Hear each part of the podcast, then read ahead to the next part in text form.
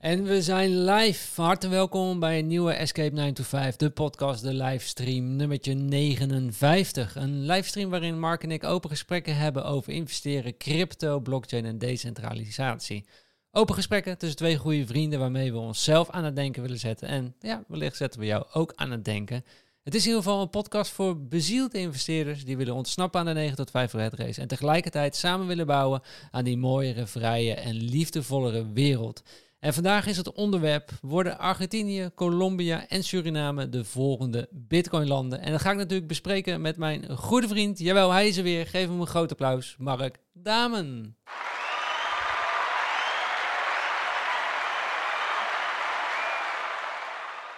Yes, de allerlaatste van dit seizoen. En ik heb er onwijs veel, uh, veel zin in. Uh, echt, we hebben een prachtige serie wat mij betreft uh, de afgelopen jaar hebben we al gemaakt. En ik vind het dan ook onwijs leuk om deze vandaag ook met jou af te gaan sluiten, Stijn. ook leuk voor iedereen die live aanwezig is. we zijn met bijna 70 mensen zijn we op dit moment live. En er zijn nog mensen nieuw aan het binnenkomen, dus dat is al onwijs cool. En als jij nou in de vertraging aan het kijken bent, nou, laat dan direct heel even een reactie onder de video achter, want daar zijn wij heel blij mee. Uh, waarschijnlijk heb je dat vorige week ook gedaan. Uh, dus, en als je dat niet gedaan hebt, nou, dan is dat gewoon vandaag de nieuwe herkansing. Maar ik heb er in ieder geval onwijs veel zin in, Stijn. En dankbaar om dit samen met jou te mogen doen vandaag. Ja, en goed om te weten, dit is het laatste van, uh, van 2023. Dan gaan Mark en ik even met een, uh, een winterstop. We zullen dinsdag 16 januari 2024 zullen we weer terug zijn met een nieuwe Escape 925 podcast. Maar vandaag is dus de laatste. Uh, wat gaan we doen? We gaan ook een beetje terugblikken op afgelopen jaar, 2023. Wat is er allemaal gebeurd en waar hebben we met z'n allen doorheen gekeken en doorheen geprikt? Uh, maar we hebben ook nieuwe informatie voor je bij, die je ook zeker wil weten als, uh, als investeerder. Maar voordat we dat gaan doen, wil ik jullie ook echt eventjes bedanken. Want Mark, je had het over reacties onder de video hè, op YouTube. Iedere dinsdag 7 uur komt die video op, uh, op YouTube. We hebben een nieuw record met z'n allen gezet. Dus we hebben 40 reacties onder die video gekregen. Dank jullie wel daarvoor. Dat, dat helpt echt enorm om deze podcast oh. te, laten, te laten groeien. Inderdaad. Kijk eens, Mark, je krijgt zelfs hartjes in in beeld. Uh, dus dank jullie wel. En uh, ja, de uitdaging aan ons allemaal. Gaan we die 40 reacties weer, dan weer verbreken onder deze video? Um, laat gewoon een reactie achter. Het maakt niet uit wat je zegt, maar zeg iets liefs. en dat helpt. En zo kunnen we een beetje het, het YouTube-algoritme bespelen met z'n allen. En krijgen we nog sneller die mooiere, die mooiere wereld. En, en kijk ook even de reacties terug onder podcast 58. Ging over quantum. Iets anders een keer, maar dat hebben jullie echt uh, heel leuk ervaren. En ook mensen zeiden ook van hé, hey, wat, wat hebben we toch veel raakvlakken op, op allerlei gebieden. Niet alleen op investeren, niet alleen op bitcoin, maar gewoon ook op uh, de kwantumgeneeskunde. Uh, op allerlei zaken in het leven. Ja, als je op een bepaalde manier leeft, zoals jullie doen, zoals wij doen, gaat ontsnappen aan die red race, dan ja, hebben we gewoon heel veel raakvlakken. En dat is, uh, nou, dat schept een band, zou ik zeggen. En, uh, ja, dus, absoluut. Ja. En, Absoluut. Hadden wij het al heel even voor, uh, voordat überhaupt iemand in deze room erbij was, zeg maar, in de, voor de opnames ook, hadden het er al even kort over. Hè, dat je inderdaad zoveel raakvlakken hebt op het moment dat je een investeerder bent in, in de cryptomarkt. Dan ben je op zoek naar andere, een, andere vibe ten aanzien van je financiën. Um, maar daar houdt het vaak niet op. Hè? Dat is ook met, met betrekking tot je woonplek, met betrekking tot je gezondheid. er zijn zoveel raakvlakken die je daarin in hebt. Wat dat betreft uh, vind ik het ook fijn om dat ook in deze podcast te kunnen bespreken. Omdat dat uiteindelijk ook je uh, echt laat escapen 9 to 5. Hè? Dat, ga, dat doe je niet op één vlak, dat doe je op meerdere vlakken. En ja, uh, ja nee, en, dat, en cool ik, ook dat het gewaardeerd is. Ik, ik merk het ook bij, bij jullie, bij alle kijkers, dat jullie hier niet alleen maar voor het snelle geld erin zitten en snel rijk worden, maar dat jullie natuurlijk, we investeren om er rijker van te worden, maar we willen ook samen de wereld mooier achterlaten. Dus, en dat, dat merk ik echt aan de Escape 9 to 5 community. En laten we eerlijk zien, zijn, wat, wat, hebben we toch met z'n allen eigenlijk ook een, een prachtig jaar gehad in 2023. Hè? Bitcoin begon op een prijs van, nou, zo rond die 16.000 uh, dollar. We hebben gisteren de 42.000 uh, dollar aangetikt. Ja, dat is al een rendement van 154 uh, procent. En dat is natuurlijk, uh, ja, als jij de Escape 95 podcast volgt of je bent zelfs lid van, van Brede Horizon, dan weet ik zeker dat je hiervan uh, geprofiteerd gewoon hebt. En we, we kregen trouwens ook een, een mailtje gisteren uh, van, van Claudine. Oh, dit is iets anders. Dat is een grapje wat ik later wil, wil doen. maar we kregen een berichtje van, van Claudine. En uh, zij zei ook van, uh, ja, wat een stijging. Ik ben echt onwijs blij dat ik ben aangesloten bij, uh, bij Brede Horizon. Dank voor het delen van jullie kennis. Nou, leuk Claudine dat je dat ook even liet weten via de, via de chat.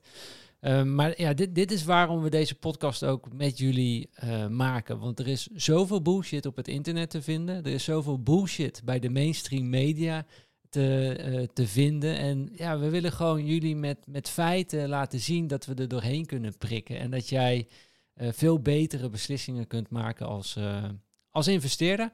Dus ja. dank jullie wel. Dat wilde ik even zeggen. Dank jullie wel dat jullie kijken naar deze podcast, dat jullie het liken en reageren. En Mark, ik wil jou ook even bedanken. Gewoon, dit is onze laatste podcast van 2023. Maar ik heb genoten van je, Mark. En van al je economische wijsheden die je aan, ons hebt kunnen uitleggen in Jip en Janneke taal. Ik had gewild dat jij mijn economieleraar uh, was. Dan uh, had ik al vroegtijdig he hele andere keuzes gemaakt. Met, met, met, wie mij ook. Wie, wie had gewild dat Mark onze economieleraar uh, was geworden? Dan was het toch veel leuker geweest om daarnaar te, te luisteren. En hadden we er veel meer van kunnen, van kunnen profiteren. Ja, Paul zegt ook. Dankjewel, ja, Stijn. Ja. Dus ehm, en, en Mark, naast dat heb ik ook genoten van jou dat ik, uh, nou ja, hier, hè, ik heb hem uh, kunnen zien, dat jij ook gewoon de podcast in je zwembroek hebt, uh, hebt gemaakt. En dat is wel, nou, vind ik ook leuk dat we ook gewoon lekker lol kunnen hebben. Kijk hier een kijkje achter de schermen.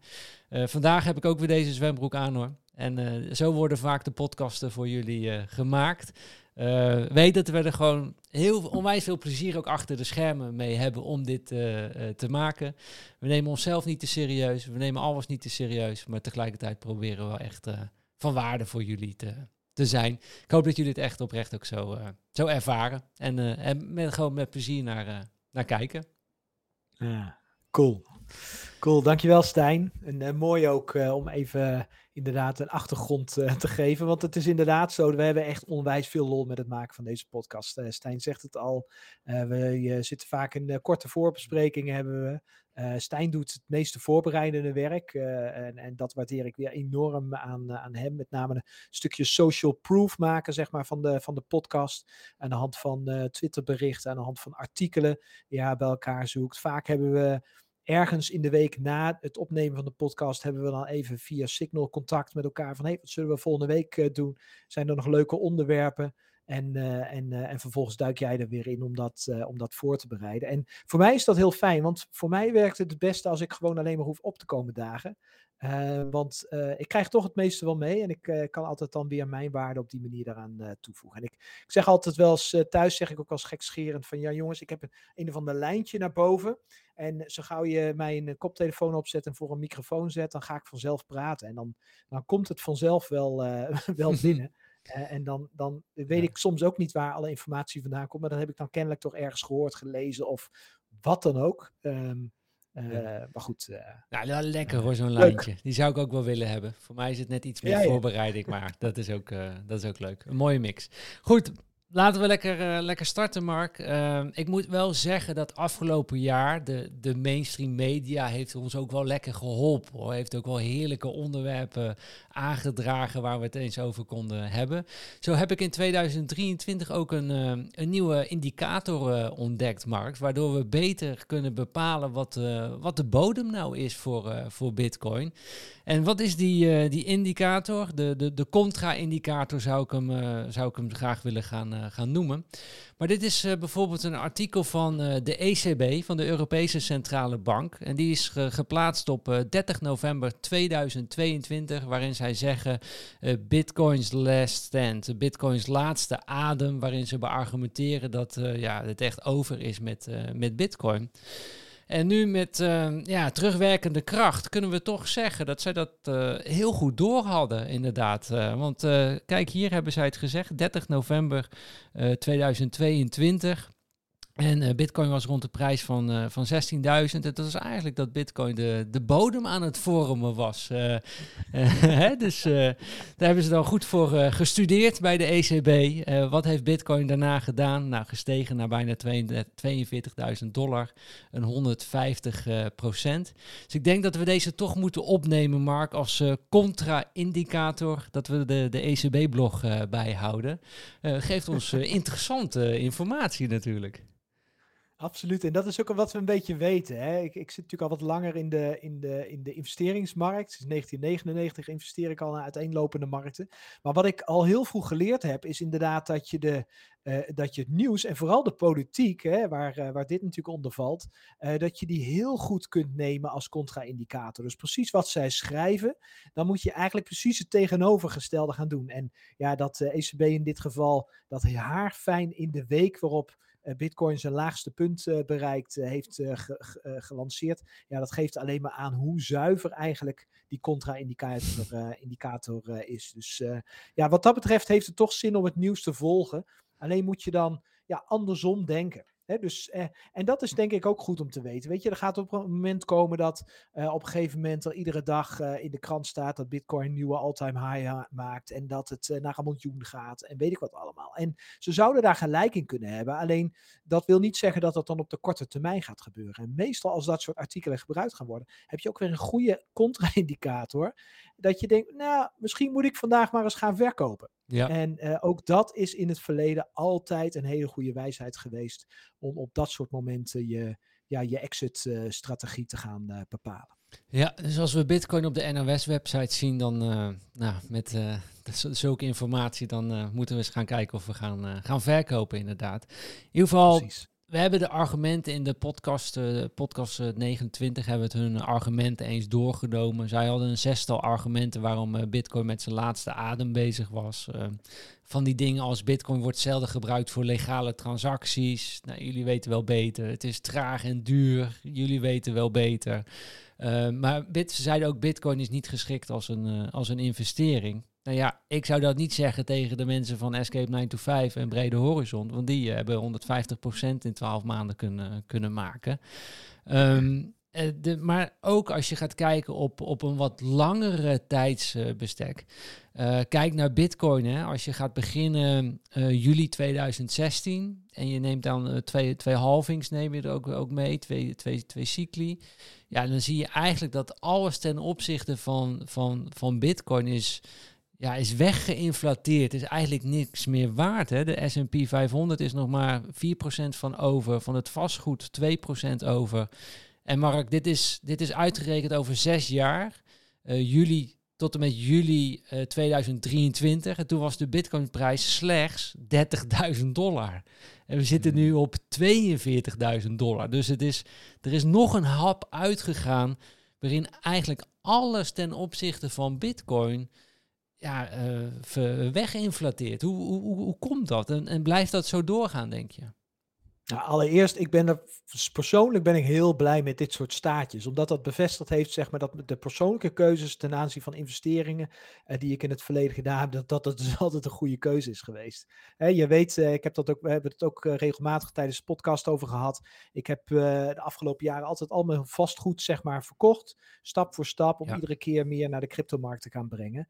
En dit is de reden daarvan. En, en, en veel mensen zeggen, ja, maar het vastgoed is in die tussentijd hard gestegen. Ja, maar niet zo hard als dat de cryptomarkt, zoals Bitcoin in dit geval, is, uh, is gestegen. En daarom is het denk ik een goede uh, beslissing genomen. Nou was jouw vraag van, ehm, wat was jouw vraag? Nou gaat dit ook zo blijven? En kijk, ik, ik zoom natuurlijk nu, oh kijk, we kunnen 12 maanden, van, van 12 maanden tot nu, kun je zeggen, Bitcoin heeft 150% gedaan. We kunnen kijken van zes jaar geleden tot nu, Bitcoin heeft het onwijs goed gedaan. Ik kan natuurlijk ook een tijdsbestek nemen van november 2021, de top van Bitcoin tot nu. Ja, dan sta je onder water. En ik weet dat dat ook bij mensen nog is. Hè. Dus het is, het is natuurlijk een beetje cherrypicking. Alleen, ik, ik denk dat toch, uh, eigenlijk is het voor mij is het toch hele simpele wiskunde. Uiteindelijk gaat het toch om wat is het schaarste op deze wereld. En we weten met z'n allen dat Bitcoin uiteindelijk er maar 21 miljoen Bitcoins uh, zullen zijn. Ga je kijken naar vastgoed, er kan bijgebouwd worden. Ga je kijken naar goud, er kan goud gemijnd worden. Ehm, ja, aandelen kunnen eigenlijk ook gecreëerd worden. Ehm, en, en, en zo zeg maar. Het, is, het, is, het zal nooit schaarser zijn dan Bitcoin. En, en dat is waarom ik ook. Uh, een van de dingen waarom ik zo fan ben van, van Bitcoin. Naast dat het decentraal is en dat het niet, de macht niet is bij één persoon, maar bij heel de community. Um, ja. ja, eh, denk ik dat Bitcoin op langere termijn altijd de overhand zou houden. En dat mensen gaan, steeds meer mensen gaan inzien hoe schaars het is en hoe waardevast het is ten opzichte van alles. Ja, en dat heeft niet alleen daarmee te maken, maar dat heeft ook inderdaad met de kwaliteit van het Bitcoin-netwerk te maken. Daarmee bedoel ik de, dat het echt decentraal is. Niemand en iedereen is er tegelijkertijd eigenaar van. Want er zijn bijvoorbeeld protocollen, uh, ook in de crypto, vooral in de cryptomarkt te vinden, die zijn schaarser dan Bitcoin. Hè, dus die hebben bijvoorbeeld al uh, dat al hun Bitcoins of al hun coins gemined zijn. of zoals Ethereum en Binance, die verbranden een hoop coins. Die, die zijn zelfs deflationair. Alleen die systemen die zijn veel gecentraliseerder. Die hebben een voordeur, veelal. Uh, dus die zijn veel makkelijker, zijn die, uh, uh, vallen die onder de invloed van politiek en van machtige, machtige mensen. En Bitcoin heeft dat niet. En ik denk dat, dat die combinatie, dat dat er eigenlijk voor zorgt dat je echt kunt zeggen van ja, Bitcoin is goud of beter dan goud eigenlijk. Um, uh, uh, zeker in deze technologische, technologische wereld. Ja, en, het, is, het is ook geen kleine speler meer. Dat, dat is denk ik ook het grote verschil. Er zit nu, het heeft nu zoveel uh, voet aan de grond. Uh, en, en er is zoveel adoptie. Er zit zoveel geld al in. En vanuit verschillende mensen ook. En personen en bedrijven. Ja. Dat het. Uh, ja, het, het, het, is geen beginner meer. Het, het doet nee. nu echt mee als een assetklasse. En, ehm, en, en, dat geeft alleen ja, en, maar nog, is, meer, nog meer zekerheid. Ja, en dat is goed dat je dat noemt, want er zijn heel veel mensen die nog steeds denken van ja, maar eh, eh, wat als dit gebeurt of wat als dat gebeurt. Weet je, iedere, ieder scenario wat je kunt bedenken, dat had kunnen gebeuren, maar wel in 2013 of misschien nog 2014. Maar daarna eigenlijk al niet meer. En hoe verder we in de tijd zijn, we zitten nu uh, tien jaar verder dan dat mo moment uh, dat het mogelijk uh, was, was geweest om Bitcoin te killen eigenlijk. Um, die, die technologische ontwikkeling is zo hard verder gegaan, dat netwerk zo veel krachtiger geworden. De hash rate, de rekenkracht die er nodig is om een bitcoin te minen, is zo extreem toegenomen. Het is gewoon niet meer mogelijk om daar op dit moment um, uh, op, uh, op in te gaan breken. Zeker niet omdat Bitcoin, het netwerk, zich automatisch aanpast aan, aan, aan het vragend aanbod. Dus hoe meer miners er zijn, hoe, meer, uh, hoe, hoe hoger de rekenkracht wordt. Hoe hoger de rekenkracht wordt die de miners in hun bezit hebben, gezamenlijk, hoe hoger de hash rate wordt. Dus zelfs als je een, een supercomputer daarop aan gaat sluiten, het netwerk uh, past zich daar automatisch op aan en zal dus de rekenkracht die ervoor nodig is, dus de moeilijkheid van de wiskundige formule die opgelost moet worden uh, en, en, die ervoor zorgt dat er stabiliteit zeg maar, in dat netwerk is, die wordt evenredig veel moeilijker. Um, en, en dus het, het zit, en, en, en dan, en da, daar ben ik heel enorm fan van, dan met de simpelheid waarop het systeem is opgebouwd, weet je, niet 100 A4'tjes vol met uh, geschreven teksten van hoe dat, uh, hoe dat systeem moet draaien. Nee, gewoon uh, één A4'tje. En daarop kun je alles lezen. Daarop kun je het hele, het hele Bitcoin-netwerk kun je lezen. Ja, en de code die simpelheid, is, dat is de kracht. De code is open source. Iedereen kan de code inzien. Um, ja. en, en, en, de onafhankelijkheid die we met z'n allen hebben, doordat je een eigen Bitcoin-nood kan draaien en, en daarmee het uh, zelf de, de, de akkoord geeft over wat de spelregels uh, uh, zijn.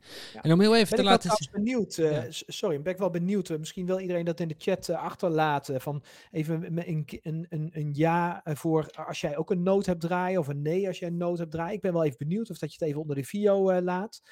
want ik heb namelijk het idee dat.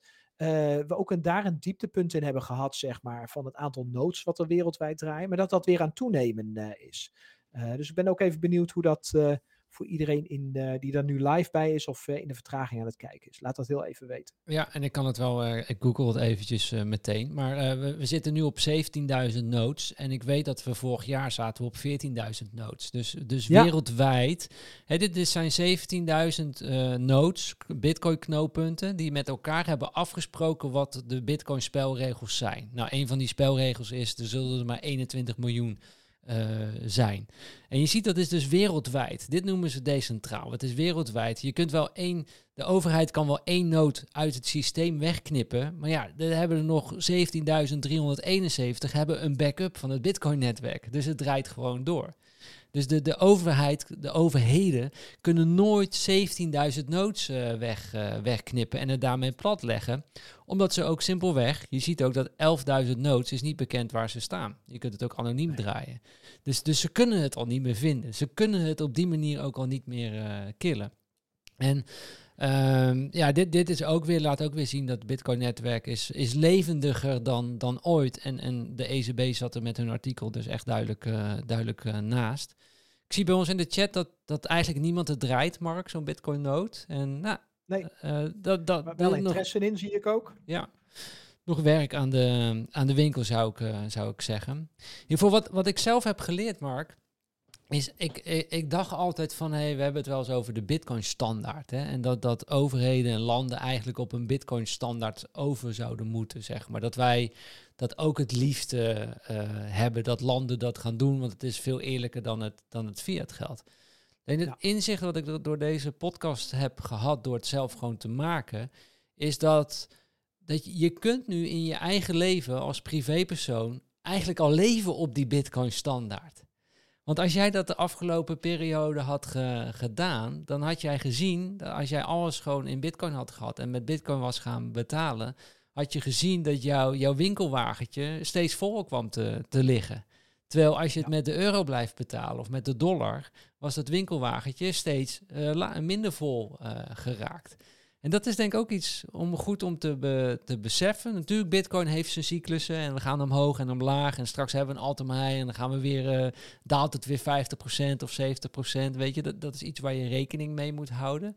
Maar als je één cyclus hebt doorlopen van ongeveer vier jaar, ja, dan, dan sta je eigenlijk bijna altijd wel in de, in de winst. En dan, dan zie je dus dat jouw winkelwagentje, dat je er steeds meer uh, in kunt, uh, kunt stoppen. Terwijl met de euro en de dollar hebben we afgelopen jaar gemerkt met de inflatie. Uh, ja, hoeveel meer je nou moet gaan betalen voor datzelfde winkelwagentje. Dus mijn inzicht is van hé, hey, je, je hoeft niet te wachten tot landen het gaan adopteren. Je moet het zelf adopteren. En dan heb je al een bitcoin standaard in jouw leven. En we hebben al laten zien dat, dat al de rest als vastgoed en zo gewoon, gewoon weginflateert ten opzichte van bitcoin. Ja, ja, ja. En tegelijkertijd hè, wel over dat vastgoed ook uh, denk ik wel dat het altijd fijn is om een dak boven je hoofd te hebben. Hè? Ja. Je kunt heel veel bitcoins hebben, maar als je op straat leeft, dan, is je, nou, dan heb je niet een heel fijn leven. Althans, dat is mijn aanname. Um, uh, hè, dus daar, daar, dat is goed om over na te denken. Is jouw perspectief uh, alleen... op, uh, op vastgoed en bitcoin, is dat veranderd afgelopen jaar, Mark? Ben je er anders over gaan ik, nadenken? ja en nee. Ik denk wel ehm, ten aanzien van Um, uh, ik verwacht dat vastgoed langer blijft stijgen dan dat ik oorspronkelijk gedacht had. Uh, dus ik denk dat dat uh, de komende, komend jaar, komende twee jaar misschien ook nog wel verder blijft stijgen. Verder kan ik eerlijk gezegd niet vooruitkijken. Het is gewoon te onrustig in de wereld. Um, maar dus het stijgt langer dan ik, dan ik had gedacht. En mijn eerste grotere vastgoedproject wat ik verkocht heb was in 2018. dus, dus, dat, dus ik was er was er heel vroeg bij, zeg maar, in die verkoop daarvan. Uh, even goed, omdat het 2018 was en we en, en, en het einde van de bear market uh, toen zaten, heb ik toen Bitcoin heel goedkoop kunnen aankopen. Dus voor mij heeft dat altijd nog wel veel, veel opgeleverd. Maar het inzicht is me wel geweest van ja, markten kunnen onredelijk lang stijgen. En, en dat wist ik eigenlijk al wel. Uh, maar dit is voor mij weer een nieuwe herinnering. Want ik heb dit eerder in bepaalde markten gezien. Dat ik dacht van ja, dat gaat niet meer. Ook in de cryptomarkt overigens al. Ik weet nog goed, november 2017. De bitcoin stond op 10.000 dollar. En ik dacht ja, dit is te gek, zeg maar. Waar het, het kwam toen van 200 dollar, 250 dollar kwam het, uh, kwam het vandaan. Ik heb toen zelf geïnvesteerd op 625 dollar uit mijn hoofd. Uh, dus daar kwam het vandaan. Stond toen 10.000 dollar. En ik dacht, ja, dit gaat niet meer. Dit, dit gaat te ver. En ik dacht dat het de top zou zijn, 10.000 dollar. Ook omdat het een psychologische grens is. En toen steeg hij gewoon nog vrolijk even in die weken daarna door naar 20.000 dollar. Dus markten kunnen echt onredelijk lang door blijven gaan. Ik denk dat dat weer een goede learning is. Mijn lange termijnvisie is niet veranderd. Um, en die is ook altijd geweest van, ik denk dat het goed is om een dak boven je hoofd te hebben. Dus een, een, een fijne thuis te hebben. Uh, dat ook het liefste vrij van uh, financiering te hebben, zodat je ook echt eigenaar daarvan bent. Zodat ook niemand ooit om wat voor omstandigheid dan ook tegen jou kan zeggen dat je in ieder geval om financiële redenen je huis moet, uh, moet inleveren. Want dan, pas dan is het van jou. Ehm, maar ten aanzien van investeringen, ja, nee. Vorig jaar was ik nog een aandeleninvesteerder. Uh, dit jaar heb ik dat uh, heel zwaar teruggebracht. Er zijn nog een paar aandelen die ik heb in de technologie sector, maar voor de rest vrijwel niet. Um, dus, dus ja, het, het, het, verandert denk ik altijd een klein beetje, maar mijn lange termijnvisie blijft hetzelfde. Maar voor jou is het eigenlijk alleen, zou, nu heb je helemaal geen vastgoed zelf dan? Nee. Je wil een stukje vastgoed dan wel kopen in de toekomst om zelf in te wonen. Zou je het ook willen kopen ja. om nog te verhuren? Uh, op dit moment niet. Misschien wel, maar op dit moment niet. Nee, nee. Ik, te, tegelijkertijd, dat komt, heeft er ook mee te maken um, met het. Je moet een businessmodel bouwen om je verhuur, zeg maar. Dus, dus als je het uh, en, en, kijk, jullie hebben bijvoorbeeld een heel mooi businessmodel in Malaga, waarbij je het tijdelijk verhuurt, waardoor je relatief hoge tarieven kunt vragen. Natuurlijk ook continu het risico hebt dat het leeg staat hè, en dat het dus geld kost op het moment dat je er niet zelf in uh, zit. Dus dat is een risico, maar dat is een te calculeren risico. En als je het technisch en organisatorisch uh, en marketingtechnisch helemaal goed hebt ingericht, ja, dan, dan is die leegstand is wel te overzien, behalve in extreme omstandigheden zoals je in 2020 toen gezien hebt. Um, uh, dus ik, ik denk als zo'n businessmodel staat, zou ik het niet wegdoen. Maar om zo'n businessmodel op te tuigen, ja, zou ik zelf nu geen, geen, geen, uh, geen aandacht te willen besteden. De verhuur, uh, de permanente verhuur, dus dat je voor de lange termijn gaat verhuren. Ik denk dat dat wel een interessante markt blijft. Het is natuurlijk vooral in Nederland wel een beetje spannend hoe de politiek daarmee omgaat. Uh, nou zijn er, is dat best wel extreem gekozen, zeg maar, door, door de Nederlanders. Dus de vraag is überhaupt wat er overeind blijft staan van alle plannen die er, die er waren. wetgeving. maar Um, zie je mij nog? Ja, ik zie nog wel. Oké. Okay. Um, maar, um, uh, dus ik zou, ik, zou dat, ik zou dat afwachten. Ben je een durf-investeerder, dan is dit misschien juist wel het moment om te investeren in vastgoed. Juist omdat er uh, heel veel vastgoedondernemers zich teruggetrokken hebben van de markt. Juist door die onzekerheid. En ja, weet je, er is, een, een, er is evengoed nog steeds een grote kans dat al die regels niet doorgaan.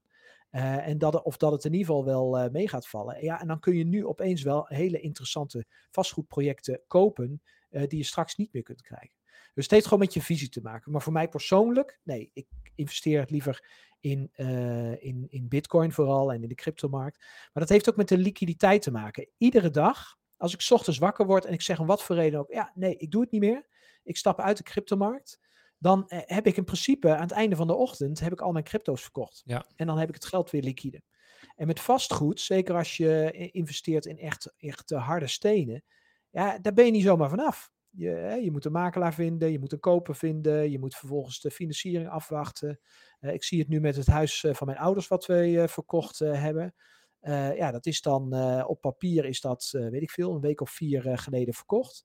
Um, maar goed, voordat voordat het echt verkocht is, uh, uh, wordt het ergens pas halverwege februari volgend jaar. Ja. Uh, dus. Uh, Nee, ja. ja. en, en kijk, wij kijk jij daarnaast zijn? Nou, voor mij is het echt gewijzigd. Wij hebben natuurlijk de podcast nummer 32 hebben gemaakt en ga die echt een keer terugkijken. Maar 18 redenen waarom beter te investeren in Bitcoin dan in, in vastgoed. Um, ja. dat heeft mij wel echt aan het denken gezet. Ik, ik was voorheen zat ik in Bitcoin om uiteindelijk uh, vastgoed te, te kopen. Dat ga ik nog steeds doen, maar wel veel minder vastgoed. Waarin ik eerst misschien dacht van nou, ik wil, uh, wil, wil, tien uh, appartementen of iets, iets kopen. Zullen het er nu nog maar, maar vijf zijn. Dus voor mij is eigenlijk vastgoed voor de verhuur nog steeds interessant. Omdat je daarmee een cashflow kunt hebben. Die Ja. een, een huis levert dat op onafhankelijk vanaf jou. Hè, kan dat ook runnen. Een huis heeft een houdbaarheidsdatum van wellicht 100 jaar. Dus het kan een hele leven meegaan. eh, en zo. En dan, dan dekt het je, geeft het eh, een cashflow en dekt het daarmee al je lifestyle. Uh, maar dan is het ook genoeg, zeg maar. En, en voorheen zag ik het misschien ook nog wel als een investering. Of dat ik het aan mijn kinderen zou willen, willen, willen geven. En dan denk ik van ja, nee, dan is Bitcoin veel interessanter. Dat is echt voor mij het digitale vastgoed geworden. Wat, wat onverwoestbaar is. Wat geen onderhoudskosten is. Uh, wat ook locatie onafhankelijk vermogen is. En dat, dat heb ik nooit zo goed beseft. Weet je, ik ben altijd van het locatie onafhankelijk ondernemen geweest. En Bitcoin ja. past daar beter in dan ooit. Want met, met het fysieke vastgoed, ja, je, je trouwt gewoon met je omgeving. Je trouwt met de lokale overheid. En dat, dat zie je nu in Nederland. Dat zie je in andere landen. Dat, dat, dat die spelregels opeens kunnen gewijzigd kunnen worden. En als jij Bitcoin hebt, ja, prima als een land de spelregels uh, aanpast. Maar ja, dan verhuis je naar een ander land. In ieder geval, zo kijk ik ernaar. Uh, waarin de spelregels voor bitcoin wel interessant zijn voor jou qua, qua belastingen dan bijvoorbeeld. Ja, ja, je neemt het mee, je stapt het vliegtuig in en, en, en je hebt het mee. En dat, dat lukt je niet zomaar met, uh, met goud, lukt je niet met het fysieke vastgoed. Dus daarin heeft het weer een extra punt ten opzichte van het fysieke vast, vastgoed. En wat we ook in die podcast hebben besproken, is gewoon de, de oneindige economische dichtheid die Bitcoin kan hebben. Dat je gewoon een miljard in de handpalm van in, in je handpalm kan, uh, kan, kan opslaan. Gewoon, weet je. Ja, met wat anders kan dat? Ook dat kan alleen maar met, met, met Bitcoin. En dus, uh, ja, en, en je ja. triggert mij net nog. Hè? Uh, een, een, je, ik weet dat er ook veel kijkers zijn die, die, uh, die het niet voor zichzelf investeren, maar voor de volgende generatie. En als je gaat kijken naar vastgoed, hè, jij noemde dat net bijvoorbeeld van uh, dat je daar eerder ook over nadacht van ja, dan geef je dat door aan de volgende generatie. Maar de vraag is, zit de volgende generatie te wachten op een uh, huis wat je hebt in dit geval in Malaga? Um, of op een andere plek op de wereld? Um, uh, het kan ook heel belastend zijn op het moment dat jij uh, de wereld gaat verlaten en jij laat hun dat vastgoed achter. Dan moeten ze het dus allemaal gaan uitzoeken, hoe ze dat moeten gaan verkopen of überhaupt wat ze ermee gaan doen. Uh, überhaupt hoe jij dat deed met verhuren. Dus je moet wel de hele business case moet je gaan overdragen. Um, en, um, en ook daarvoor denk ik weer van ja, als je het licht wil maken voor degene die achterblijft, hè, voor de volgende generatie, voor je kinderen of kleinkinderen, Um, ja, dan is het misschien ook goed om dat ook weer in liquide assets te hebben. Dat is in ieder geval waar ik uh, met name door het overlijden van mijn ouders dit jaar wel over nagedacht had. Ik, ik moet er niet aan denken dat mijn ouders nog ergens, uh, weet ik veel, in Italië een huis hadden of zo. Dat ik uh, dat moest ja. gaan uitzoeken wat ik daarmee moest gaan doen. of of laat staan op meerdere plekken. He, dus um, um, dus nou ja, het zijn ook gewoon. Ik denk dat het allemaal te maken heeft met de fase, maar ook met je interesse die het heeft. Ik denk dat vastgoed investeren heel interessant kan zijn. Alleen het is wel echt een keuze die je ervoor moet gaan maken.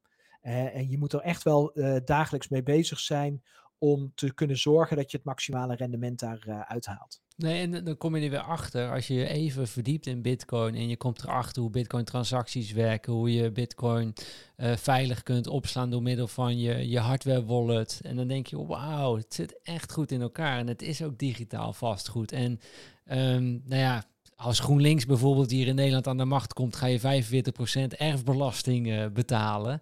Ja, dan staat je vastgoed in Nederland. Ja, hoe ga je doorgeven aan je kinderen? Dat gaat je niet lukken.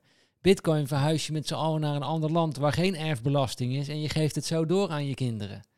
Hè? Ja. Nou, ik, ik, denk dat die kwartjes bij steeds meer mensen gaan, uh, gaan vallen.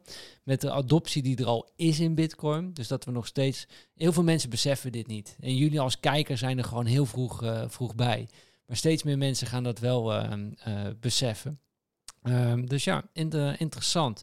Laten we nog heel even teruggaan naar dat, dat ene artikel dan, Mark. Waar een van de andere punten die zij aandragen was, was natuurlijk Bitcoin de grote vervuiler. Uh, nou, daar hebben we het natuurlijk met jullie ook over gehad. Weet je, als je gaat kijken, Bitcoin ten opzichte van de bankenwereld. En je kijkt dan bijvoorbeeld naar CO2-uitstoot, dan is uh, de bank is dat al uh, drie keer zoveel. Global banking dan ten opzichte van, van Bitcoin. Ook weer zoiets wat niet, niet klopte. Maar wat ik nog veel interessanter vind daaraan is. Dat hebben jullie wel eens eerder laten zien. Dat, dat Greenpeace ging ook Bitcoin aanvallen, weet je. Want dat zou het elektriciteitsnetwerk overbelasten. En het houdt eigenlijk de groene revolutie tegen. Hè? Dat is de woorden van Greenpeace.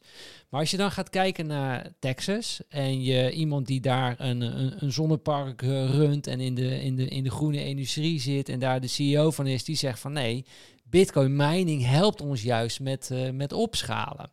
Nou, dit zijn natuurlijk allemaal woorden, maar we hebben dit jaar ook het bewijs gekregen dat het echt ook zo is.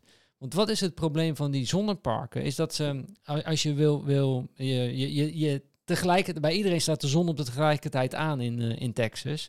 Dus hoe, hoe, je krijgt heel veel energie. Maar als je energie opwekt, het, het moet meteen uit het systeem. Iemand moet het meteen afnemen. Maar wat als die afnemer er niet is? Ja, dan heb je een probleem te, te pakken. Want dan kun je het niet kwijt. En zeker als je verder wil opschalen, dan moet je die, die piekbelasting aankunnen.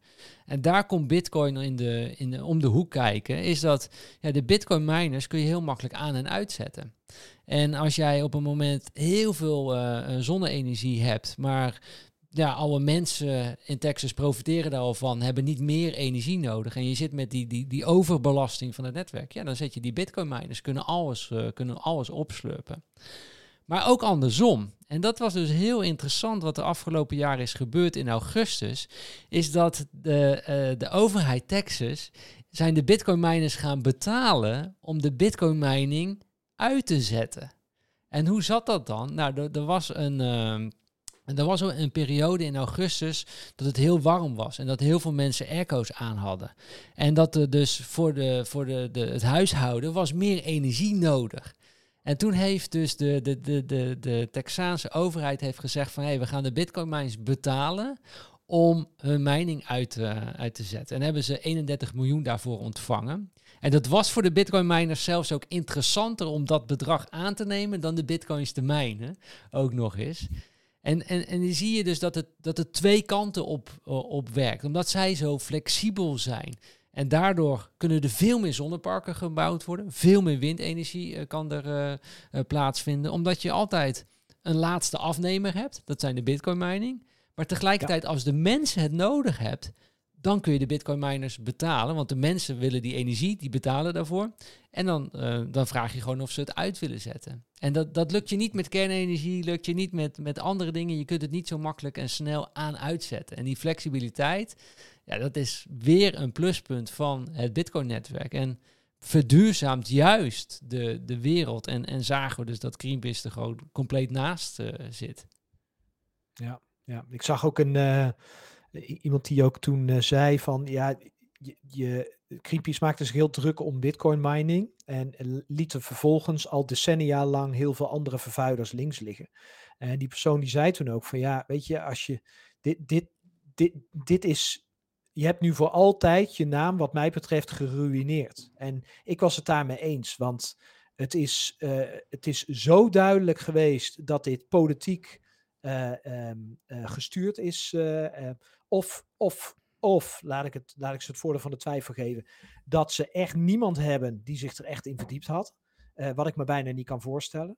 dus, um, en, en ik denk dat dat ook gewoon goed is om te beseffen. Dat is een, gewoon een spelletje wat op dit moment sowieso veel over de wereld gespeeld wordt. Of er wordt, worden dingen gezegd die gewoon niet waar zijn, maar waarin ze zelf geen brononderzoek hebben gedaan. Uh, of uh, het is heel erg gestuurd vanuit een bepaalde ideologie. En dat kan vanuit de bankenwereld kan dat zijn, dat kan vanuit een politieke sector kan het zijn, vanuit de politieke partij kan dat zijn. Um, en daarom is het denk ik ook zo belangrijk dat we Stijn dit soort podcasten maken om gewoon dit boven water te krijgen en te laten zien wat is echt zo. En ja, natuurlijk, wij zijn helemaal Bitcoin-fans. Dus wij hebben waarschijnlijk ook ondertussen een veel te roze bril op. Ja. Omdat we alleen maar die kant van de wereld uh, zien. Hè, dus laat het alsjeblieft onder de video achter of in de chat. Hè, op het moment dat wij een blinde vlek hebben. Uh, maar uh, sterker nog, dat wil ik graag, want ik wil het daar graag over hebben. maar tot die tijd. Um, en tot alle gesprekken die ik daarover tot nu toe gevoerd heb, inclusief een aantal dingen die ik nu ook in de, in de chat zie voorbij komen. Ja, nee, het, het is inderdaad een, het, het meest eerlijke netwerk, het meest betrouwbare systeem waar je als investeerder in kunt zitten, maar waar je ook als mens in kunt zitten. En ik vind dat jij, en dat heb jij mij wel mooi geleerd, uh, Stijn, die kant ook van Bitcoin dit jaar te laten zien. Je noemt het altijd zo mooi, ik kan het natuurlijk niet herhalen. Maar je zegt iets in de trant van: het is het meest eerlijke, uh, humane systeem eigenlijk. Uh, wat, er, wat er op de wereld bestaat, omdat het niemand uitsluit, iedereen en, en iedereen de mogelijkheid heeft om daarvan van de, te profiteren. En dan mag je zelf zeggen hoe je ja, dat... Nee, ja, gelijke behandeling voor iedereen. Maar, maar Bitcoin strookt gewoon met mijn morele kompas. Hè, dus vaak heb je altijd mensen... Oh, je zit in Bitcoin om geld te verdienen. Ja, ook. Weet je, daar ben ik heel eerlijk in. Maar tegelijkertijd ook met mijn morele kompas.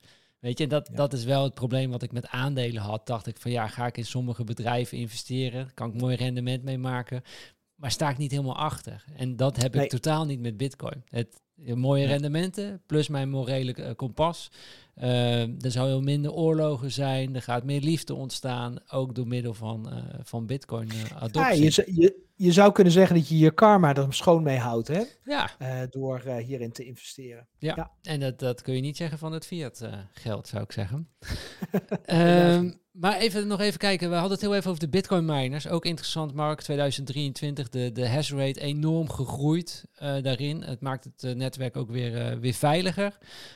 wat weten de miners meer dan ons, zeg maar? Omdat de Bitcoin-prijs was eigenlijk in het begin nog niet heel zo sterk gestegen. Terwijl je al wel de hash rate zag uh, stijgen. Dus de miners waren bereid om er meer energie in te stoppen. De hogere kosten te maken. Terwijl de prijs van bitcoin stijgt er nog niet.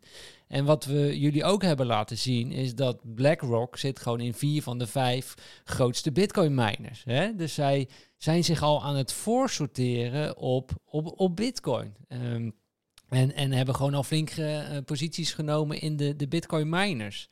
Hoe, hoe, hoe, hoe, kijk jij daarna, Mark? Van, weten de miners meer dan ons over, de, ja, over waar de prijs van bitcoin naartoe gaat?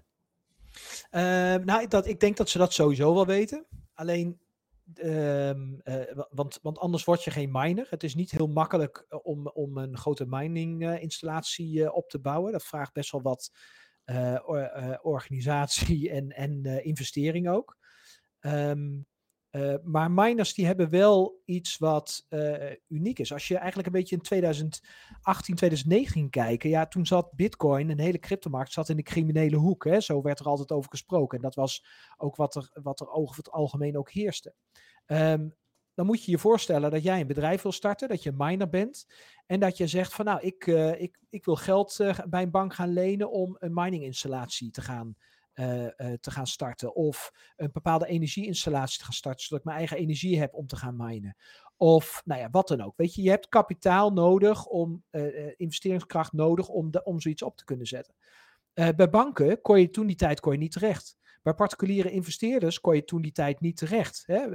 via het uitgeven van aandelen bijvoorbeeld. Want het werd allemaal in het verdomme hoekje van criminaliteit werd het gebracht. Dus, dus mensen wilden zich daar niet mee associëren. En die hele tendens die is veranderd. Eigenlijk na 2018, 2019 eigenlijk, versneld.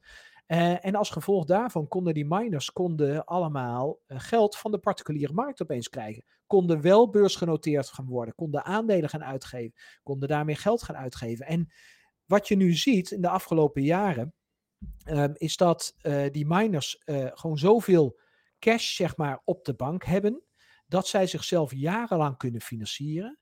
En wat is dan het mooie? Dan kun je continu met de nieuwste apparatuur kun je bitcoin minen.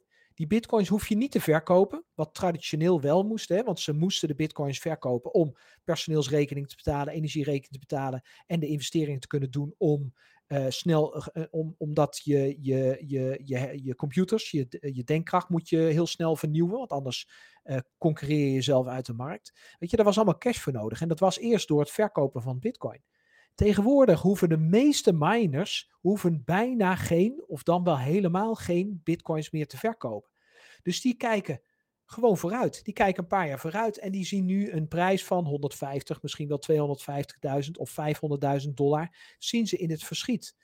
Nu kunnen ze dat minen tegen misschien wel. Nou, ik heb het laatste onderzoek wat ik gelezen heb. Sommige miners zitten nog steeds op een kostprijs van ongeveer 12.000 dollar eh, en zelfs lager per bitcoin.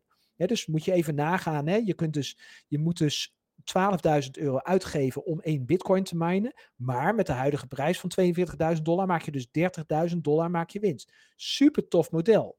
Maar in 2018, of uh, sorry, in 2000, uh, uh, vorig jaar 2022, ja, 2022, toen was dat natuurlijk wel anders. Hè? Dan had je, moest, je, moest je ook 12.000 dollar betalen, maar stond, de prijs stond onder de 12.000 dollar. in dit geval klopt dat niet, maar um, je, je, je verdienmodel was veel minder. Maar hun maakt dat niet uit. Ze, hebben, ze kunnen daar doorheen. Ze hebben genoeg cash hebben ze op de bank door de aandelen die ze hebben uitgegeven en het cash wat ze daardoor hebben gekregen. Dus ze kunnen gewoon wachten totdat die bitcoin hoog staat. En dan maakt het ze niet uit dat bitcoin op dat moment laag staat, want ze willen toch niet gaan verkopen voor die prijs. Ze, ze, ze minen nu om in de toekomst te gaan verkopen. En dat is eigenlijk wat je in die hash rate ziet. Dat is eigenlijk de computerkracht, de denkkracht die enorm is toegenomen. Als gevolg daarvan, hè, vertelde ik volgens mij toen straks ook, uh, wordt de uh, rekenkundige formule van het Bitcoin-netwerk wordt moeilijker gemaakt. Ja. Die zie je dus extreem gestegen, terwijl de koers nog niet steeg. Steeg, steeg die al wel, want die miners die waren, die waren zwaar aan het investeren in nieuwe technologie om te zorgen dat zij um, meer Bitcoins gaan mijnen. Maar ook omdat er de volgende Bitcoin-halvering alweer aankomt volgend jaar in uh, april uit mijn hoofd, 16 april, 15, 16 april 2024, uh, is de volgende Bitcoin halvering. Dat betekent dat de uitgifte van Bitcoins van ongeveer 6,25 naar 3,12,5 uh, gaat per gemijnde blok. Nou, als ik je net vertelde dat, dat je dus op dit moment een, bijvoorbeeld een bitcoin kunt mijnen voor 12.000 dollar, betekent dat straks dat je één bitcoin kunt mijnen voor 24.000 dollar als je niet gezorgd hebt dat je beter in de concurrentiepositie zit. Dus ook dat is een reden waarom miners zwaar aan het investeren zijn geweest in de afgelopen jaren al. Want zij moeten voor die halvering, moeten zij eigenlijk zorgen dat zij de kostprijs van één bitcoin, van het minen van één bitcoin, al verder hebben teruggebracht en eigenlijk hebben gehalveerd tot de kosten die ze daarvoor hadden. Ja. In verband met de mindere bitcoins die ze gaan krijgen. Ja, heel simpel gezegd. Je wil als miner het liefste vandaag nog het, het blokje mijnen. Want dan krijg je een uitbetaling van 6,25 bitcoin. Doe je dat na april uh, eh, 2024, leuk dat jij net zoveel energie inzet en dat jij uh, uh, het blokje mijnt, maar dan krijg je nog maar 3,1 bitcoin. dus ja, het is, het, het is fijn als je het nu kunt doen. Als je nu de, de, de energie kan opschroeven. Want dan kan je nu nog uh, veel, uh, is je beloning veel, uh, veel hoger in, in bitcoins. Dus ehm, nou ook daarin zie je dat Bitcoin gewoon een hele mooie, ehm, gezonde groei heeft, heeft doorgemaakt. En, en, en ook aan die poot is het ook weer een heel sterk fundament geworden. Zit er een businessmodel achter wat, wat gewoon, gewoon, gewoon netjes is en eerlijk is. Um, en waarin in ondertussen ook BlackRock gewoon ook in geïnvesteerd, in, geïnvesteerd, in geïnvesteerd zit. Omdat zij dat ook gewoon begrijpen welke kant het op, op gaat. Um, nog iets anders, Mark, wat we vorig jaar ook hebben besproken in podcast 34. Uh, eh, ja, iemand beweerde dat, ja, wie zegt dat er maar 21 miljoen bitcoins zijn? Hè? Misschien zijn het er wel, uh, wel veel, veel meer. Laten we nog heel even gaan kijken naar dat stukje, naar dat clipje. Jamie Dimon van de JP Morgan Bank, hè, de grootste bank in Amerika, die had even iets te zeggen over, over bitcoin. Blockchain is a is a technology ledger system right. that we use to move information. We've used it to do overnight repo, intraday right. repo. We've used it to we're going to use it. We've used it to move money. Right. So that is a ledger. That's a technology ledger type of thing that it, we think will be deployable. remember, we've based been, on remember we've been talking about that for 12 years too, and very little's been done. There's some so. tokens that, that, I agree with you on, but but Bitcoin's based on a distributed ledger. Yeah, but it, it, but it has, Bitcoin, all, but it has all the characteristics of, of a store of value. It, I, it's immutable. It, it's scarce. Uh, it totally untrue. It's, it's 21 million. Well, yeah, really. How do you know it's going to stop at 21 million? Because it's, I've mentioned this to people Satoshi. Too. Every, everyone says that. Well, maybe it's going to get to 21 million, and Satoshi's picture is going to come up and laugh at you all and say, "No, no." maar dit, dit, is gewoon de directeur van de grootste bank in Amerika, hè? Die dit gewoon op ja. nationale televisie uh, zegt. En daar, Ja, ik kan niet anders dat hij hier gewoon heel veel shit over zich heen heeft gehad. En zichzelf eigenlijk ook wel belachelijk heeft gemaakt. Want wij hebben het in een podcast ook gewoon nog eventjes aan jullie laten zien. Van ja, het staat gewoon geprogrammeerd in de code 21 miljoen. Bitcoin, de, de code is open source. Iedereen kan dit checken. Ja, daar staat gewoon 21 miljoen. En die, die 17.000 nodes die wij hebben laten zien, die, die hebben met elkaar afgesproken. Dat is de consensus. Daar, dat, daar zijn wij het over eens. Er zullen er 21 miljoen zijn. En denk je nu echt dat als iemand gaat voorstellen, het moeten er 41 miljoen worden, dat die 17.000 nodes dat akkoord gaan geven? Natuurlijk niet. Je gaat nooit de meerderheid meekrijgen daar, eh, daarin. Nee, want het heeft direct een aanslag op je eigen portemonnee. Net zoals in het fiat geld. Op het moment dat je van 21 naar 42 miljoen uh, euro's zou gaan, dat betekent dat je geld halveert in waarde. Ja. Uh, dus daar gaat nooit iemand mee akkoord die, uh, die een nood heeft en die dus ook een investeerder is in het, in het... Uh, dat, dat is alleen in het fiat-denken gaan mensen daar uh, mee akkoord. Want 8 miljard mensen gaan akkoord met de, de, de geldbijprinterij uh, eigenlijk. Hè? En protesteren daar eigenlijk heel weinig op. Maar als dat in het bitcoin-netwerk zou gebeuren, dan, dan, dan zouden enorme protesten zijn. En het zal ook gewoon niet gaan plaatsvinden. Dat, dat gaat gewoon. Het kan niet. Het gaat, het kan niet. Jij en ik gaan er al niet meer akkoord, dus dan kan het dan niet gewoon. Nee, dan, dan, dan krijg je een separaat Bitcoin-netwerk. Nou, ga maar de adoptie daarvoor winnen. Daar ga je nooit adoptie voor, voor krijgen.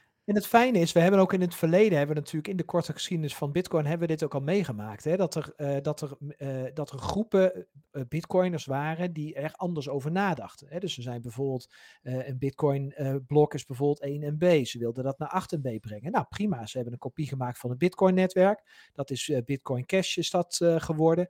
daar hebben ze blokken gemined van, van 8 MB.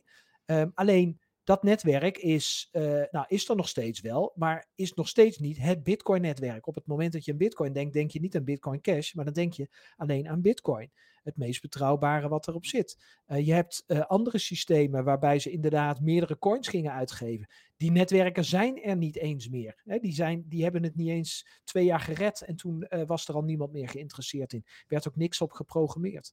dus we hebben ook al wel in de in de geschiedenis van, uh, van Bitcoin, hebben we dit soort dingen ook al meegemaakt. En, en, en, en zijn die proefballonnetjes al gelanceerd. En dat is terecht dat die gelanceerd mogen worden. Weet je, iedereen mag natuurlijk zijn eigen ideeën hebben. En dat is ook het mooie, vind ik, aan Bitcoin of crypto in zijn algemeen. Het is uh, vrijwel allemaal open source. Bitcoin is vooral open source. En dat betekent, ja, als jij denkt dat je het beter kunt, kopieer het. Je kunt het morgen kopiëren. Kun jij gewoon als kijker nu doen. Kun je het gewoon kopiëren en dan begin je je eigen Bitcoin. Ja. Uh, alleen het zal nooit, maar dan ook nooit, de originele Bitcoin kunnen zijn. Nee, absoluut.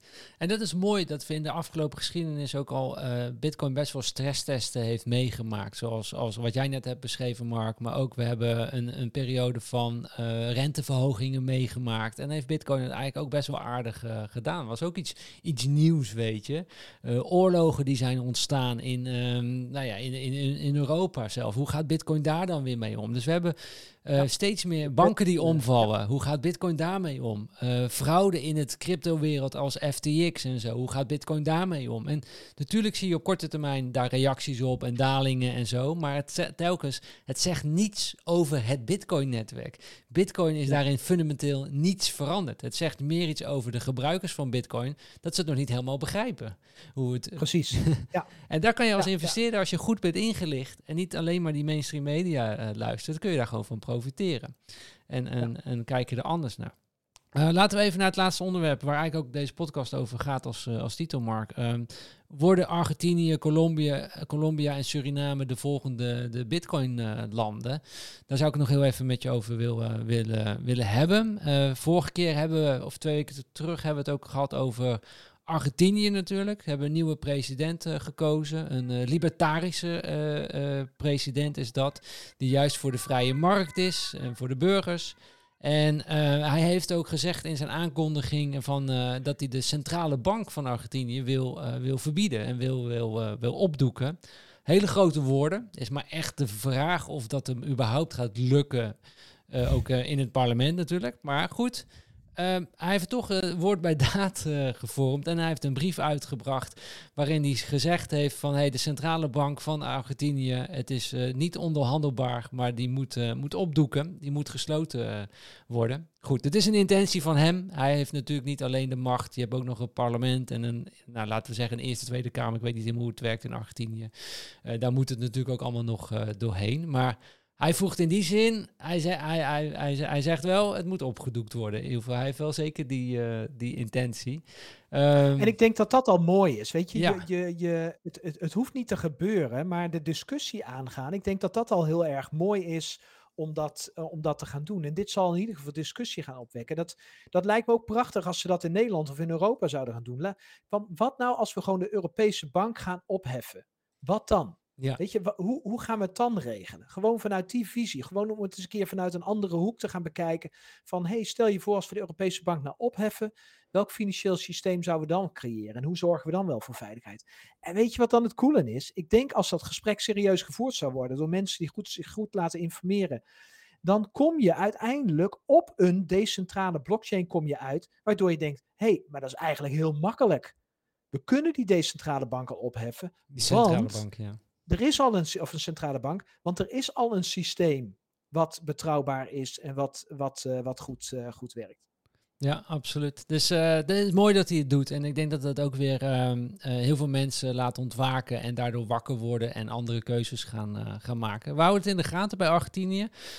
Of ze meer naar de dollar gaan, of dat bitcoin ook meer gesupport worden. Ik ben heel erg benieuwd.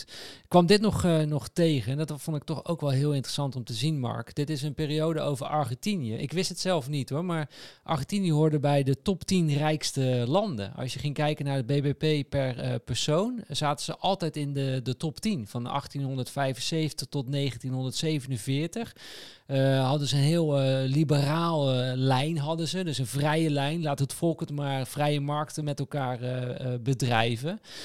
vanaf 1947 zijn de, de meer socialisten aan de, aan de macht gekomen. En is eigenlijk heel Argentinië is gewoon, gewoon weggezakt als je gaat kijken naar het BBP per, per bevolkingshoofd. En ja, dat is toch wat we keer op keer zien, ook met de, de, de socialisme, het communisme, waarin je de macht gaat centraliseren. Dan komt het geld centraal bij een aantal mensen terecht. Sta je heel dicht bij die macht, dan kun je daar heel goed van profiteren. Zoals politici vaak, hè, die staan daar heel dichtbij. Die mogen het uitgeven, die kunnen beslissen naar wie het gaat. Maar als je gaat kijken naar de grote groep, de bevolking, ja, die profiteert daar dus vaak niet, uh, niet aan. En dit was, uh, nou, in het geval van Argentinië, was dat toch heel duidelijk om te, te zien. Nou, nu krijgen ze een nieuwe president en dat is weer meer een liberaal, een li libertariër uh, zelfs. Ik ben benieuwd welke kant het op gaat met, met Argentinië. En ik hoop het echt van harte voor de Argentijnen dat ze, ja, ze hun land weer terugkrijgen. En dat ze het echt kunnen, kunnen opbouwen met, met elkaar. Ja.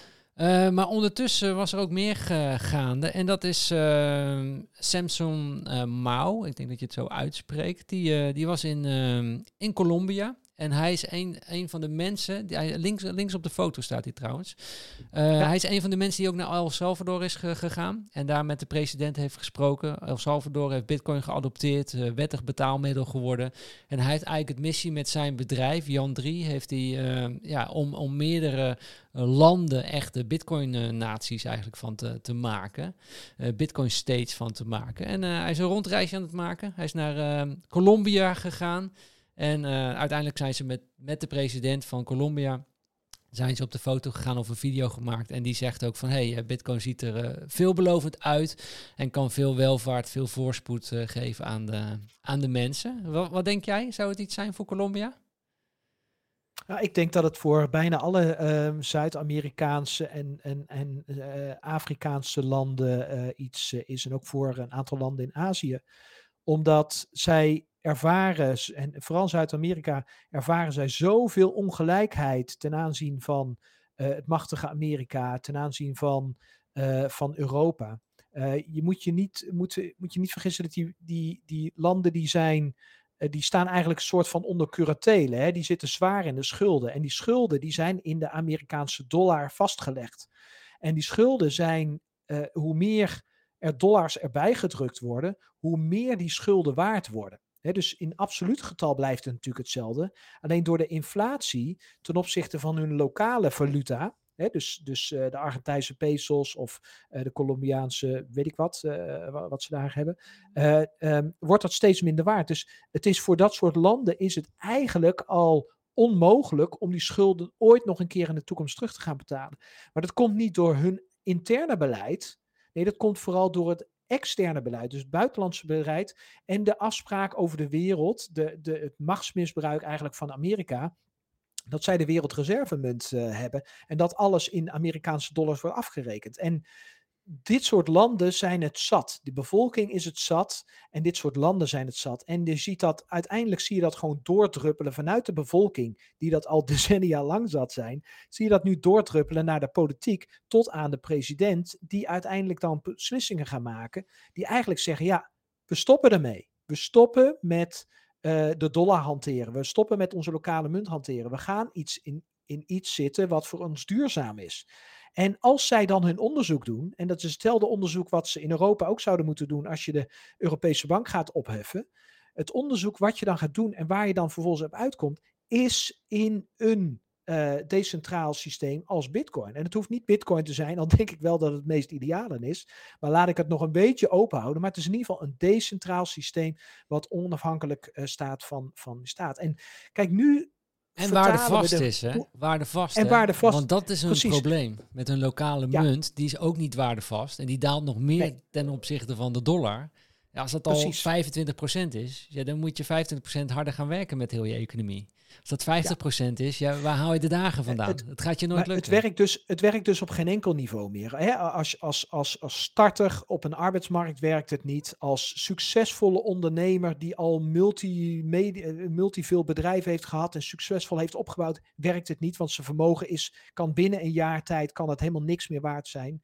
Uh, de, uh, maar ook voor de politiek werkt het niet, omdat hun schulden uitgedrukt worden in dollars. Dus je ziet daarom in alle lagen van de bevolking dat er dat, er, uh, dat, dat ze moeten gaan kiezen voor iets anders. Ja. En, um, en ik denk dat er maar één logische stap is. En daarom zeg ik ook wel eens vaker van thank God there's Bitcoin. Want er zijn allemaal ideeën zijn er op de wereld om een nieuwe wereldreservemunt te gaan creëren. En de digitale euro en de digitale dollar. En weet ik wat voor allemaal andere scampraktijken wat ze proberen te doen om de macht maar bij zichzelf te houden. Maar net zoals dat de kerk ooit gescheiden moest worden van de staat, moet ook het geld nu gescheiden worden van de staat. En thank God there's Bitcoin, want er is nu een technologie die het mogelijk maakt om te scheiden. En de volatiliteit, waar een hoop mensen nu nog bezwaar tegen hebben, dus dat is de bewegelijkheid van de koers van Bitcoin ten opzichte van de euro en de dollar, van de, ten opzichte van het fiat geld, die verdwijnt op het moment dat we allemaal Bitcoin gaan gebruiken als betaalmiddel. Want dan vergelijk je het namelijk niet meer met een euro of een dollar of wat dan ook. Dan verdwijnt dat direct. Dan verdwijnt direct de volatiliteit en kan dat uh, geldsysteem dus op een perfecte manier gebruikt uh, gaan, uh, gaan worden. En in de chat zag ik ook iets van ja, oneerlijkheid van hè, veel mensen die als eerste bitcoin eraan waren, dan krijg je toch grote verschillen op de wereld van mensen die eerst geïnvesteerd hadden in bitcoin en daarmee geld verdiend hadden en, en, en mensen die dat nu pas gaan doen. Ja, klopt. Op de korte termijn, als iedereen daar nu in over zou stappen, zou dat een ongelijkheid geven. Dus dan heb je een kleine groep die heel veel bitcoin bezit en een grote groep die het minderheidsaandeel van bitcoin uh, bezit. Maar uiteindelijk maakt dat helemaal niks uit. Het is gewoon wat je erin geïnvesteerd hebt, dat heb je erin zitten. En zo gauw we allemaal overstappen op dat Bitcoin-netwerk, het niet meer vergelijken met een euro of een dollar of wat dan ook, dan verdwijnt die volatiliteit en dan kun jij, heb jij gewoon een waardevaste spaarrekening in Bitcoin heb je zitten. En daarom kan ik van harte aanbevelen om dat zeker niet als reden te gebruiken om niet te gaan, om je geld daar niet in veilig te gaan zetten. Ik heb het niet eens over investeren. Nee, je geld veilig daarin te zetten in het Bitcoin-netwerk, omdat um, uh, het een betere wereld maakt. Het stopt met de machtbijgade bij de politiek. Stijn heeft het al zo vaak genoemd en ook deze podcast ook weer. Het, de, de, oorlogen kunnen niet meer gefinancierd worden op het moment dat we stoppen met het fiat geld gebruiken. Ja. En laten we heel eerlijk wezen. Ik denk dat de wereld er een stuk mooier uitziet op het moment dat we alleen die angel uit de wereld al kunnen gaan halen. Alleen als je vandaag vandaag de dag gaat kijken hoeveel lijden er is op de wereld. Uh, mensen uh, die uh, in het verleden gevlucht zijn. Families die generaties lang gescheiden van elkaar moeten leven. De ene is in Nederland terechtkomen, de andere in Duitsland en de andere in Canada. Jongens, je hebt geen idee wat het is. En ik gelukkig ook niet, alleen maar van horen zeggen. Maar je hebt geen idee wat voor een impact dat heeft generaties lang op het moment dat de oorlogen gevoerd gaan worden. En op het moment dat jij en ik de macht hebben, want die macht hebben wij, en daar wil ik iedereen toe oproepen, de macht hebben om te stoppen met uh, dat systeem te supporten en een, een, systeem te supporten wat wel eerlijkheid erin heeft, is de dag dat, uh, dat er vrede gaat komen op, uh, op de wereld. Absoluut. En Mark, wat ook zo is, je kunt nog zoveel bitcoins hebben. Maar jij kunt nog steeds niet het Bitcoin-netwerk aanpassen of druk uitoefenen of manipuleren, zeg maar. En dat is met het fiat-geld is wel, als jij heel veel geld hebt en je bent een hele grote bank, kan jij via politici, via overheden, kan jij en je kun je wel druk uitoefenen omdat er iets moet gaan gebeuren met de rente, de ja of de nee. En kan jij voorkennis hebben en kan je daar nog extra van profiteren. En, en dat kan jij allemaal niet, want die 17.000 nodes, dat, die kan, je kan een bitcoin node draaien zonder dat je bitcoin hebt. Weet je, en je hebt, iedere node heeft evenveel stemrecht als het ware. Dus er, is, er is geen uh, veel minder in die zin manipulatie, wat wel heel makkelijk, veel makkelijker is via het, uh, via het fiat geld. Uh, wat dus veel oneerlijker is, omdat mensen kunnen besluiten om wel of niet die geldprinter aan te, aan te zetten. Um, maar in ieder geval, um, Samsung heeft zijn rondje nog verder afgemaakt. Hij is ook naar uh, Suriname gegaan. Uh, we kregen daar ook een heel interessant uh, artikel van een van onze kijkers. Dank jullie wel. Vinden we super leuk dat jullie dat naar ons opsturen opsturen. Uh, was heel interessant. Hè? In Suriname ook in, flinke inflatiecijfers gaan daar uh, onder, gebukt onder gewoon. En zitten mee te kijken van wat moeten we nou gaan doen. En een van de ideeën die zij hebben, Mark, is om bijvoorbeeld uh, eh, 1% van hun reserves bij de centrale bank, om dat om te gaan zetten in, in bitcoin. en ja, om dat ja, de, de, te, te gaan doen als investering. Um, en het uh, te laten groeien. En we, hebben natuurlijk een land wat dat aan het, uh, aan het doen is. En dat is natuurlijk El Salvador. Hè? die, koopt, die heeft op 17 november gezegd: hey, we kopen één bitcoin per, per dag op. En wat is er nu gebeurd? is dat uh, zij hebben allerlei aankopen in het begin gedaan. Hè, en daarna zijn ze gaan, gaan kopen om iedere dag één bitcoin per dag te kopen. En toen bitcoin op 42.000 uh, stond, was het voor het eerst in de geschiedenis dat zij op winst stonden met hun bitcoin positie, Mark. 2,84 procent, 3,6 miljoen. En moet je eens nagaan, zij moeten ook al die leningen gaan afbetalen die zij hebben, uitgedrukt in dollars. Maar ze hebben nu een deel van hun reserves hebben ze omgezet in bitcoin. En die is opeens rendement aan het maken. En, en stijgt al, al meer ten opzichte van hun dollars. En dat gaan zij de, hun manier worden om, denk ik, die, uh, die rentes gaan, de, die, die leningen af te gaan betalen. En daarvoor hoeven ze, en, dat, en de fun is, daarvoor hoeven ze niet eens hun bitcoin te gaan verkopen, wat veel mensen denken. Nee, ze hebben nu een onderpand. Bitcoin wordt steeds meer erkend, net zoals een vastgoed, uh, een, een, huis of een, een appartementcomplex. het wordt uh, gezien als een onderpand. Dus zij kunnen te tegenover die bitcoins, kunnen ze geld lenen om vervolgens weer de leningen die aflopen, weer te, af te lossen. En als ze die bitcoins kunnen vasthouden, en ik denk dat ze die visie hebben. Ja, heeft hij aangegeven. Bitcoins... Ze hebben geen intentie ja, om te verkopen. Nee, precies. Dus als zij nooit die bitcoins gaan verkopen, wat ik denk dat dat een heel goed idee is, dat betekent dat je je uh, een land wat eigenlijk op de afgrond stond uh, in financiële zin, dat, dat, dat, ehm, dat, dat richting faillissement eigenlijk aan het gaan was, of failliet was misschien wel. Um, uh, dat je daar nu een, hele rijk, heel rijk systeem van kunt gaan maken. En dan creëer je eigenlijk iets wat de olielanden bijvoorbeeld hebben. Hè? De olielanden, die hebben natuurlijk, uh, nou ja, heel veel olie hebben die in de grond. Niet onbeperkt, maar heel veel olie in de grond. Daarmee kunnen ze alles financieren. Dus je hebt daar hele vredige, weliswaar autoritaire regimes. Maar onder dat regime hele vredige en rijke uh, uh, samenleving heb je. Met goede gezondheidszorg, uh, goed eten, drinken en, en, en, en, en nou ja, een hoop mooie dingen zeg maar, die onder die cultuur passen. Maar dit, is, dit hoef je niet in de grond te hebben. Ieder land kan die bitcoins mijnen. Ieder land kan die bitcoins kopen. En dat is het coole daarvan. Zo'n land als die als als um, God, nou, El Salvador, naam, El Salvador die, uh, die, wat een relatief klein land is en wat weinig grondstoffen heeft, heeft nu opeens een, ja, een grondstof, een digitale grondstof, die ze kunnen gaan kopen, maar die ze ook kunnen gaan minen. En daar zijn ze natuurlijk ook mee bezig. En als ze die vasthouden, dan zullen ze een enorme rijkdom gaan creëren voor toekomstige generaties. Zullen ze de criminaliteit ver omlaag kunnen brengen om de doodsimpele reden dat criminaliteit niet meer nodig is, omdat je je bevolking uit de armoedegrens kunt gaan halen. Je kunt straks een systeem gaan oprichten waarin ondernemerschap centraal staat, waarin er altijd voldoende geld is om dingen te financieren, waarin nieuwe eh, technologieën omarmd kunnen gaan worden. Na dit voorbeeld wat ze nu omarmd hebben, ja, zullen nieuwe technologieën ook sneller omarmd worden. Ik, ik denk dat het fantastisch is voor dat soort landen. En jij vroeg mij toen straks van, denk je dat het een goed idee is voor Zuid-Amerikaanse landen, even in zijn breedte zin,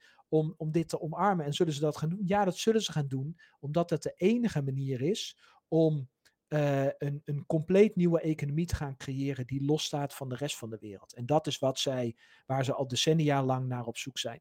Om onder die macht uit te komen die, er, uh, die, uh, die ze nu overheerst. Ja, nee, dus ik denk dat dit, uh, dit heel mooi is en dit, dit uh, gaat overwaaien naar andere landen. En moet je nagaan dat je in het Zuid-Amerikaanse continent zit en jou, jouw buurland die doet dat. En je ziet wat voor voorspoed dat gaat geven. Ja, dan ga je ook achter je oren krabben en dan gaat de bevolking ook zeggen van hé, hey, wij willen dat ook. En dan komt die druk, weet je. En dus voor 2024, 2025, nou, misschien komt er wel weer een, eh, een nieuw land komt erbij die dat ook gaat doen.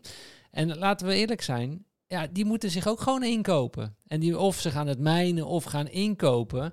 Uh, maar die moeten gewoon de huidige prijs betalen. En er zijn er maar 21 miljoen. Hoe gaan al die landen dat doen? Ja, dat drijft de prijs omhoog. Weet je, er is genoeg bitcoins om te, te, te verdelen als het ware. Dat, dat maakt niet uit. Dat is, maar je moet je inkopen. Die, die, die prijs zal daardoor enorm gaan, uh, gaan stijgen op de langere termijn. Ja, en de vraag die je dus ook kunt stellen is: waarom doen Europese landen dit niet? Waarom doet Nederland dit niet? Waarom doet België dit niet?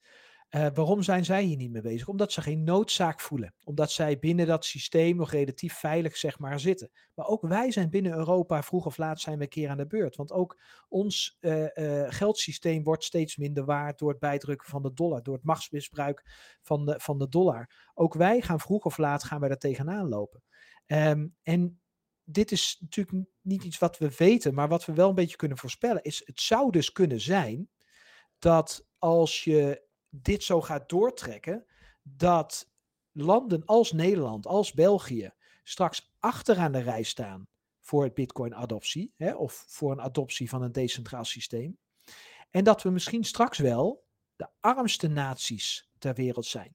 Ja. En dat de landen waar die nu de meeste, uh, de meeste winst daarin kunnen maken, en die dus de eerste adoptie zijn, dat dat straks misschien wel de rijkste en dus ook de machtigste landen ter wereld kunnen zijn.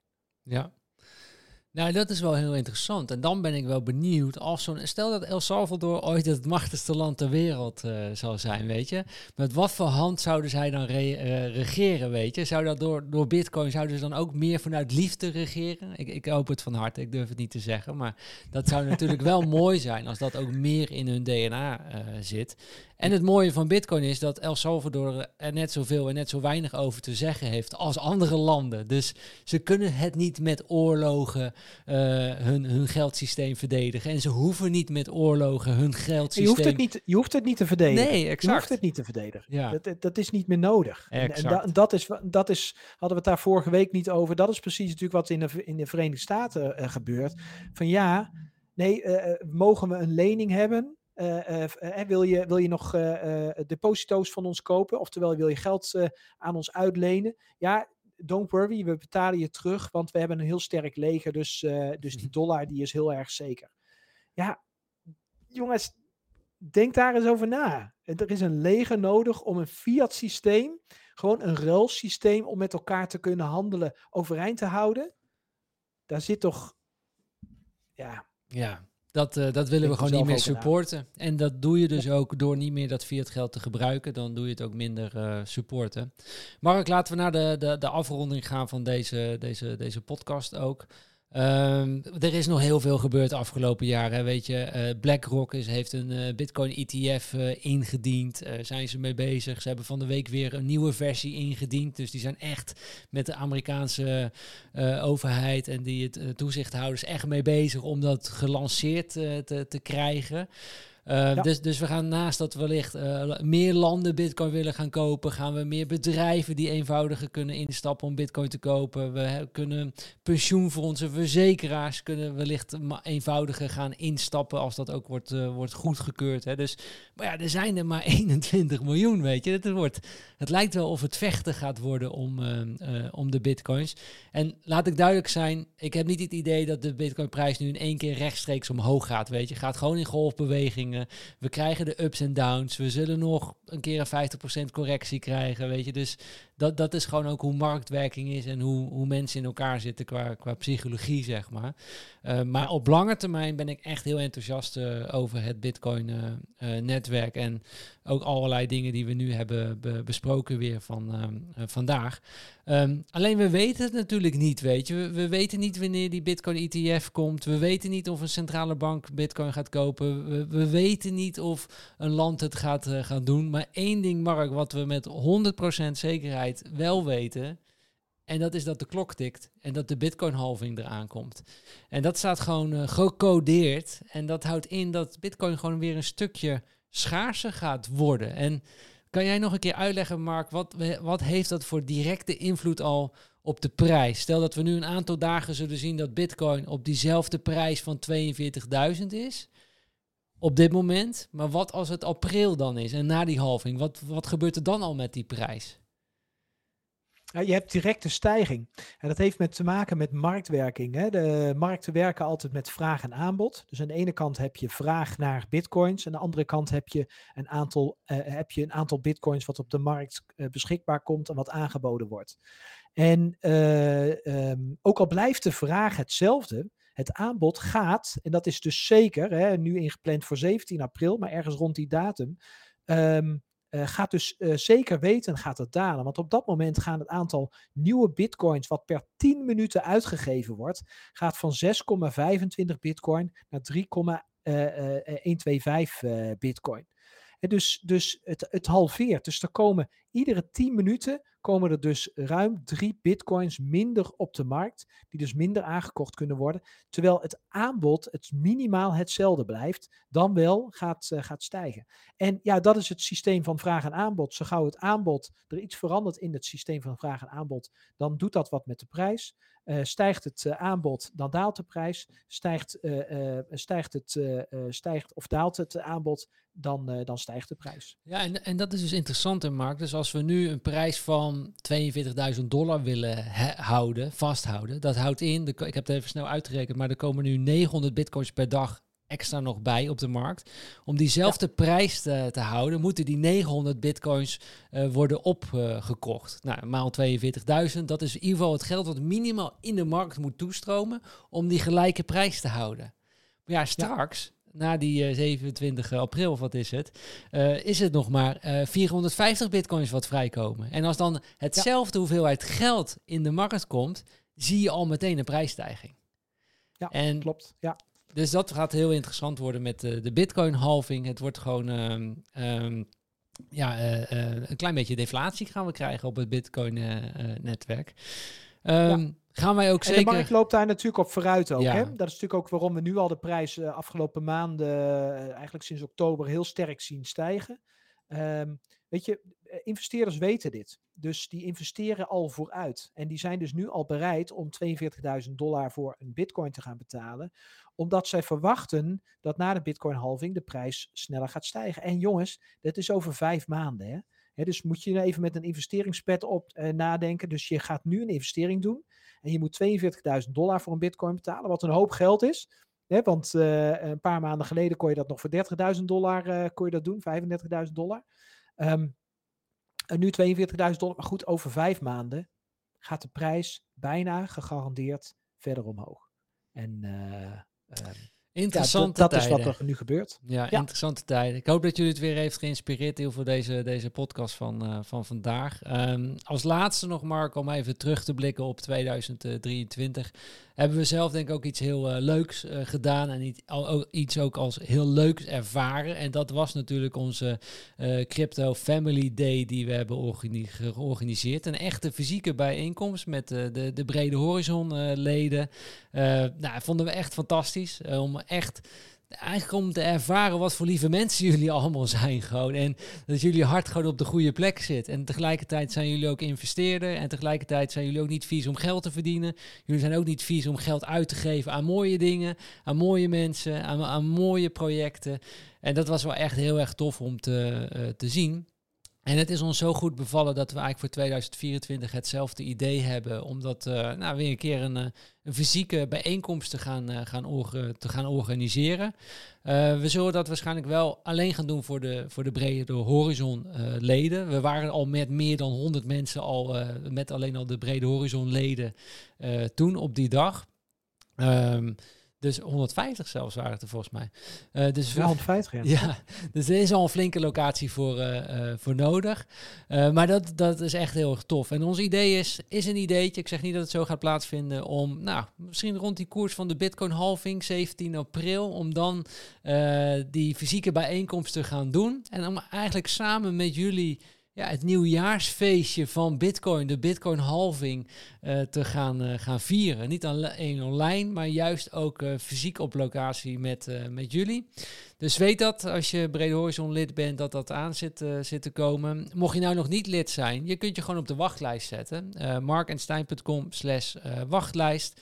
Zet je daarop en dan hoor je als eerste wanneer we weer open gaan met het Brede Horizon programma een idee is dat we in 2024 ergens in januari of februari weer uh, de deuren zullen, zullen openen. Dus uh, zet je op de wachtlijst, markenstein.com slash wachtlijst. En dan, uh, als je dan lid bent, dan kun je ook naar die fysieke bijeenkomst met ons komen. En gaan we samen het feestje vieren van de Bitcoin uh, halving. Uh, dat lijkt ons heel, veel, heel erg leuk. En ik zeg erbij, het is een idee wat we nu hebben, een intentie die we hebben. We hebben er nog niet geen locatie voor gevonden en zo. Maar dat, uh, dat gaat ons allemaal lukken en tijdstip. We moeten ook even kijken naar onze agenda's. Dat Mark en ik ook in, in Nederland zijn, beide.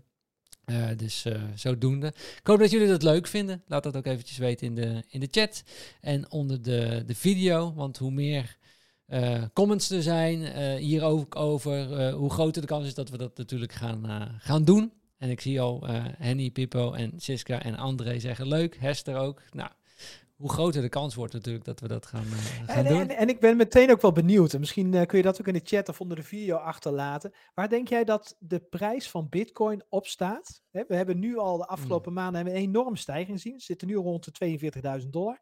Waar denk jij dat de prijs van Bitcoin op staat uh, rondom uh, de Bitcoin-halvering.